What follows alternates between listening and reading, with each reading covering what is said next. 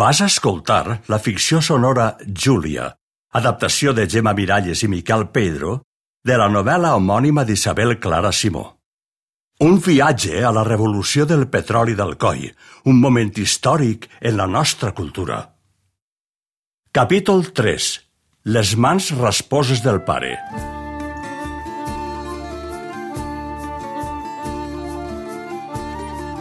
Júlia ja ho era de menudeta. Separava la mà que aguantava la presa de xocolata del berenar del seu cosset, quan no tenia més que tres anyets, per no embrutar-se el davantalet. El pare, Pepe de l'Olla, li deien, la consentia. No era un home de tàbola i taverna. Després de la faena, li agradava mandrejar a casa i fer moixaines a la menuda. Només els dissabtes eren sagrats. Li agradava el teatre. I com que era geperut, no massa, que deia la Júlia, feia el paper de dolent. Però li agradava.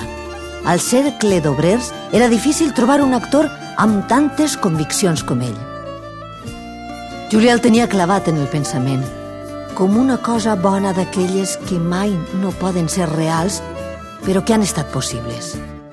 No recordava que l'haguera bonegat mai, només paraules dolces i una amenaça de pell dura i forta que la premia ben fort. No era cap geperut. Era només que caminava corbat perquè sempre estava pensant en coses que els altres no entenien. Aquell estiu, el del 73, Pepe de l'Olla no va voler de cap manera emportar-se la seva filla. I ella va pregar i pregar i la mare es va lligar ben fort les vetes de les espardenyes. Estigues quieteta, que vindrem de seguida. Hem de fer una cosa molt important. La mare parlava amb veu dolça i això era un mal presagi. Anem. Pare! Pare! Ara tornem. Quan va sentir la porta, el cor se li va glaçar i va parar en sec de plorar. Es posava de puntetes i no arribava al pany i va pujar damunt d'una cadira. Però li va costar molt obrir i aleshores va baixar l'escala com si no fora ben bé ella mateixa. I al carrer va mirar amunt i avall buscant el pare. Veia tot de gent que baixava cap al carrer del mercat i s'hi va afegir. Hi havia cada vegada més gent i tots seriosos com el pare i la mare. I ella, cinc anyets, va seguir la corrua ensumant que això no era una festa ni res que fora bo per a ella. Tenia una cosa molt grossa dins del pitet, tan grossa que no podia esclatar en llàgrimes, i que mirava, i mirava, culs i cames, pantalons i faldes, i que ara la rebregaven, ara l'empenyien, ara l'apartaven d'una manotada... A la plaça! A la plaça! No és la teua xicona, Vicenta? Queda't així i no et mogues o et maten! Disparen! Disparen! Assassí! Fill de puta! Al costat d'un portal hi havia una reissa i Júlia s'hi va enfilar. Després ja no recordava res més. Va veure la mare de molt lluny. Estava plena de sang. I les altres dones que corrien amb ella també. Darrere n'hi havia d'altres ajupides que arrossegaven alguna cosa que devia de pesar molt. Així el teniu! Així el teniu, apelletes! Així el teniu, a gran porc! Mireu-ho totes! Una dona, al costat de la mare, portava un penjoll sangonós a les mans i el mostrava en l'aire. La mare reia amb tota la boca i cridava, cridava. Després va saber-ho. Era el pardal de l'alcalde d'Alcoi, Agustí Albors, anomenat Pelletes. Al pare ja no el va tornar a veure mai més. Va saber que havia mort de retorn a Alacant, que la mare ho deia amb unes paraules estranyes. Ella ja tenia 10 anys i no va gosar preguntar. La mare només plorava. Nits i nits senceres plorava i a ella l'espantava veure aquella dona tan dura acariciant-la amb una tendresa que li feia por. No plores, Julieta. No plores, filla. Però era la mare qui plorava. El pare tenia dins les orelles uns pèls llargs i grisos i Júlia li els estirava, tot rient-se de les queixes fingides del pare. Un dia la mare li volia pegar perquè s'havia guardat les ungles dels peus del pare un dia que el va veure tallant-se-les ajupit fins a terra amb la gepa enlairada. Ella les havia recollides i les havia guardades en un racó del calaix del pa. La mare li volia pegar i ell, el pare, la va agafar i se la van portar a la font. Li feia agafar aigua amb el palmell de la mà Fugirà, perquè està viva l'aigua.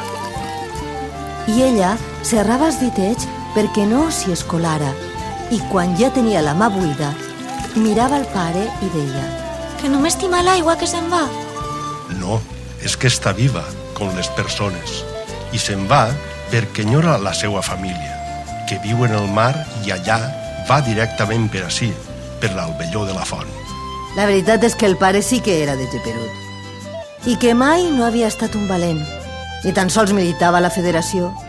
Les seues idees polítiques eren d'una simplicitat diàfana. El que ell volia era la república, la independència d'Alcoi, que no hi haguessin rics ni pobres. Les seues intervencions en les assemblees anarquistes eren sempre les mateixes. Tots les esperaven.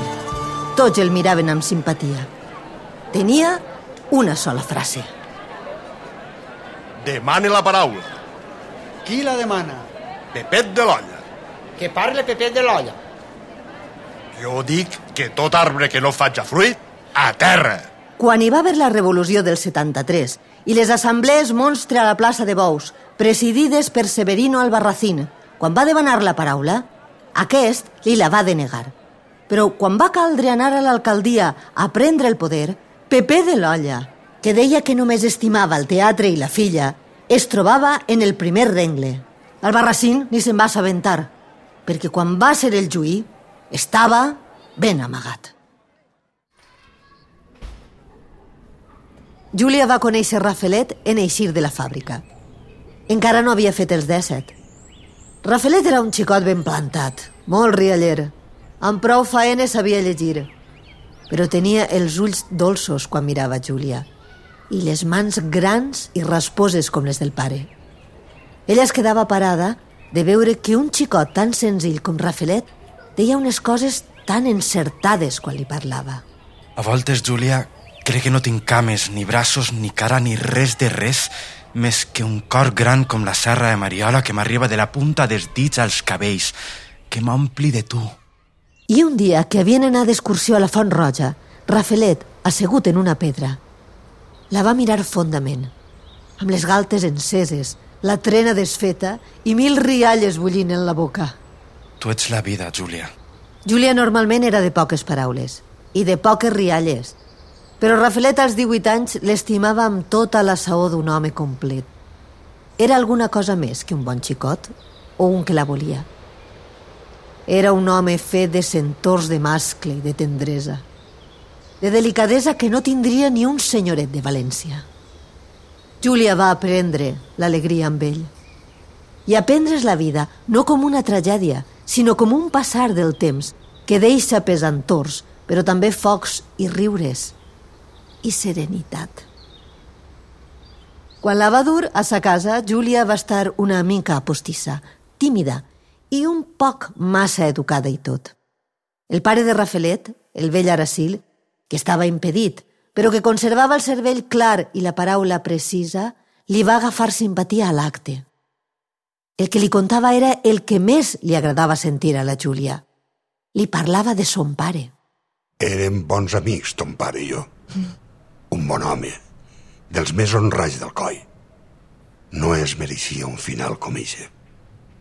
Devia tindre jo l'edat del meu Rafalet quan ens vam fer amics. I jo vam ser sempre. Ell, pot ser, era més exaltat que jo. Però les idees, que compten més que el temperament, igualets. Per la boca del vell Aracil, Júlia va poder reconstruir els pocs records que tenia. Va ser Raum al cor, que va agafar al penal d'Alacant. Saps que són cinc anys de presidi. I quin presidi? La benèfica l'havien fundada per ajudar els processats de la revolució. Van haver de respondre per ta mare. Ja saps com és la gent. Morir a presidir, això era com un malefici.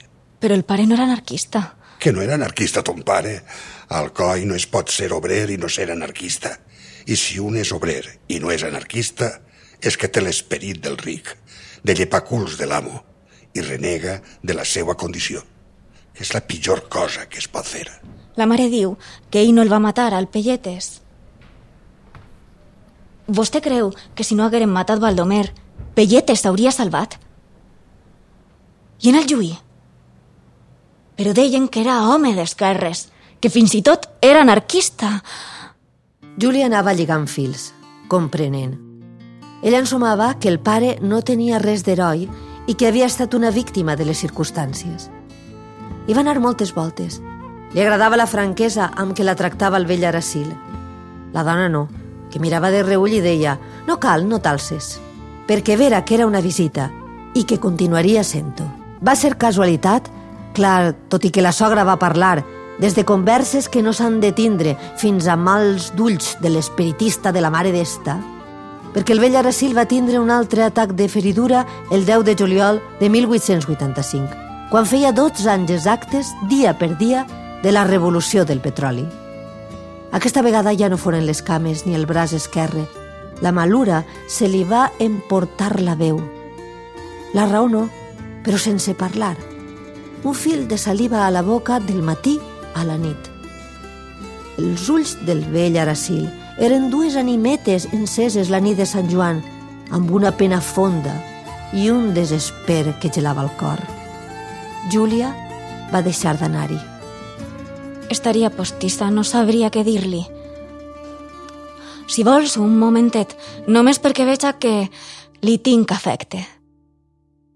Rafelet la veia ensopida. No sabia ja quina inventar-se. Júlia, com que tens eixa brasa que portes dins, pel pare, i que et crema tant i tant, hi ha altres homes que en saben més que mon pare. Rafelet tenia un oncle, que vivia a la placeta del Fossar, i el seu oncle tenia un amic. Un home terrible, li deia, però no sols ho havia viscut tot, sinó que havia estat el braç dret d'Albarracín. De vegades hi anava a cal oncle. Si ella volia, podien fer de coincidir. Els oncles de Rafelet es quedaren sorpresos de la visita i van fer els compliments que calia. Júlia voldria conèixer el conillet, oncle. I què vol una xica decent d'un home com el conillet? Júlia és filla de Pepet de l'Olla. Pobra xica. Si el conillet ho sap, de segur que no treu el nas per ací per casa. Si alguna cosa té avorrida són els curiosos. Ho farem per casualitat, no li sembla? La tia de Rafelet va restar enamorada de Júlia, que portava un vestit blanc i tan planxat que els àngels hi haurien sopat. El dia que s'hi va presentar el conillet, després de tres diumenges esperant-lo en debades, va entrar rere Dolors, que li havia obert la porta i es va quedar mirant la parella. Tornaré després, he de fer un encàrrec. Eh, conillet, no sigues aspre. És un nebot. Sa mare i Dolors germanes. Nebot carnal. Vine, home, que es farem una herbeta. A mi no m'agrada l'herbeta. Si l'he feta jo, home. Que no és d'Alcoi, vostè? De Banyeres. Però com si ho fora, d'ací. Seu, conillet, seu. Va portar l'herbeta i un pitxer d'aigua posada a refrescar a l'eixida per al conillet. La xicona és la seva promesa. Del meu nebot, Rafelet. Roc va somriure. El conillet no va dir res ni mirar ningú. Només abastar un got d'aigua i l'anar absorbint fent xisclets amb la llengua. Ai, mare, esta esquena. El conillet era lleig, però d'aquells lletjos que fan por de debò. Tenia la cara menuda, amb unes arrugues tan fondes que podries amagar tota la ungla del dit.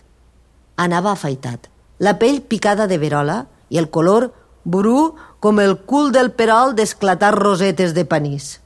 El cabell era negre, llis com una espasa, i tallat amb tan poca traça que se li alçaven totes les puntes com un eriçó. Suposa que el va conèixer, a mon pare.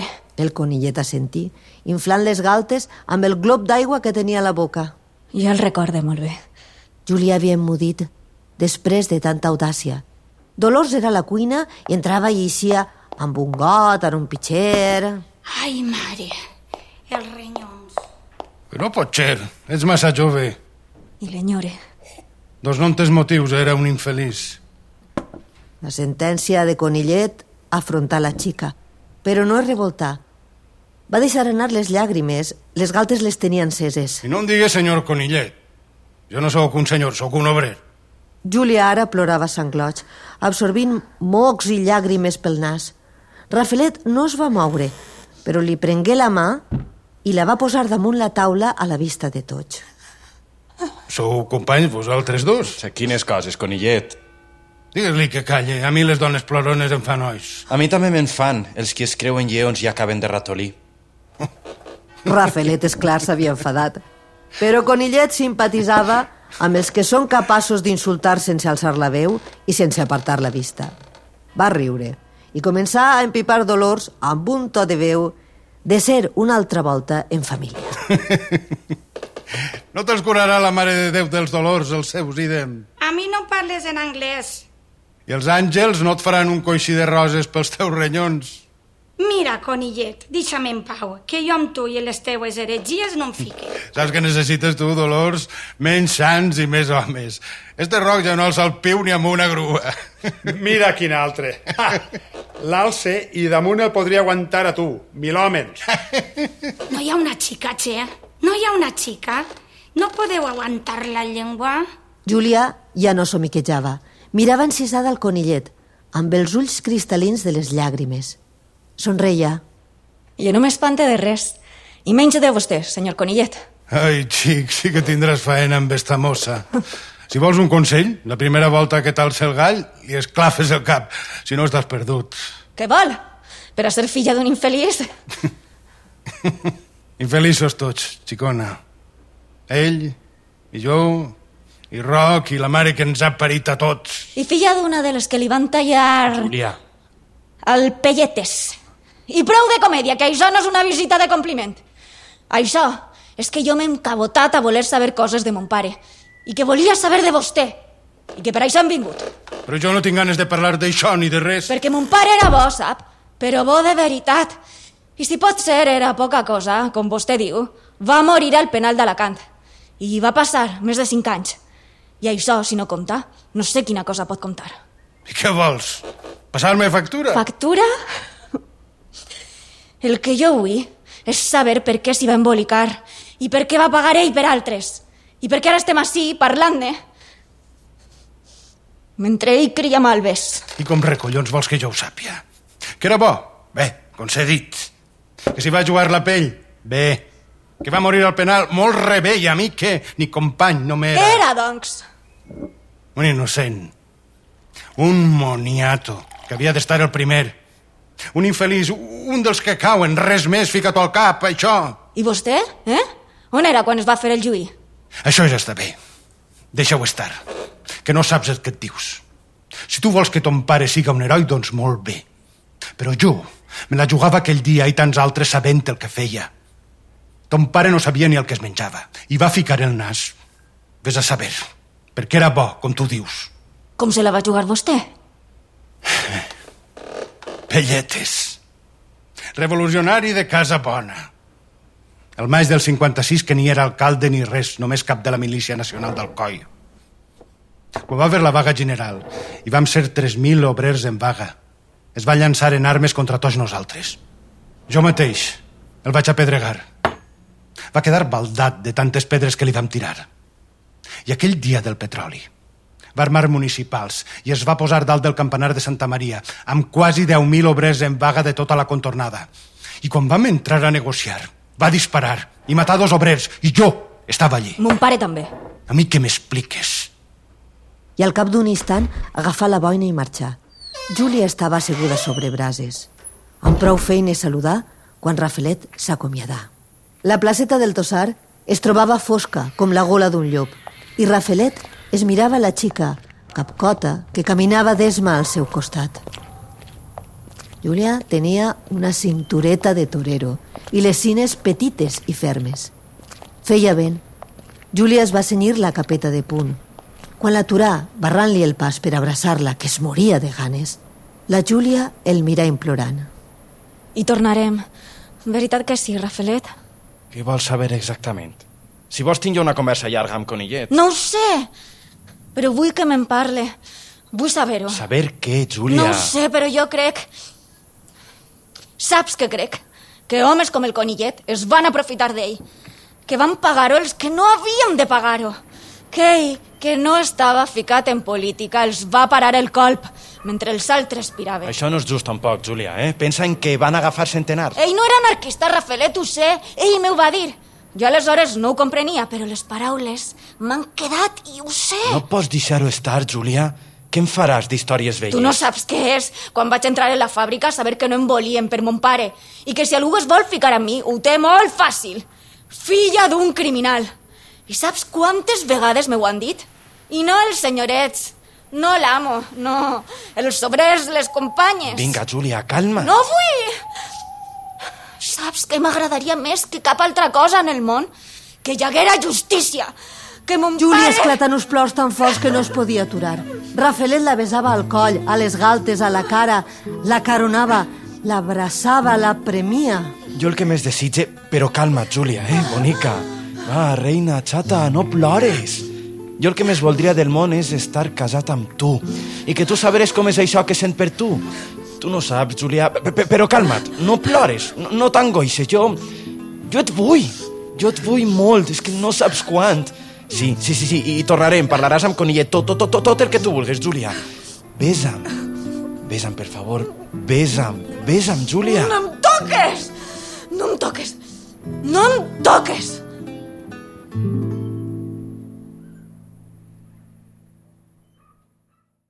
Has escoltat l'adaptació a radioteatre de la novel·la Júlia d'Isabel Clara Simó, una producció de la Dependent amb el suport de la Conselleria de Cultura i Esport, Ajuntament d'Alcoi, Acadèmia Valenciana de la Llengua, Unió Alcoiana Seguros, Ràdio Alcoi i A. Intèrprets principals. Pepa Miralles, Glòria Román, Juan Salloret, Pau Bercher i Pilar Martínez. Gravació de Luis Vélez i Gonçal Berenguer. Editat per Adrià Sempere i Luis Vélez amb música de Cofre Antic i Rafael Arnal.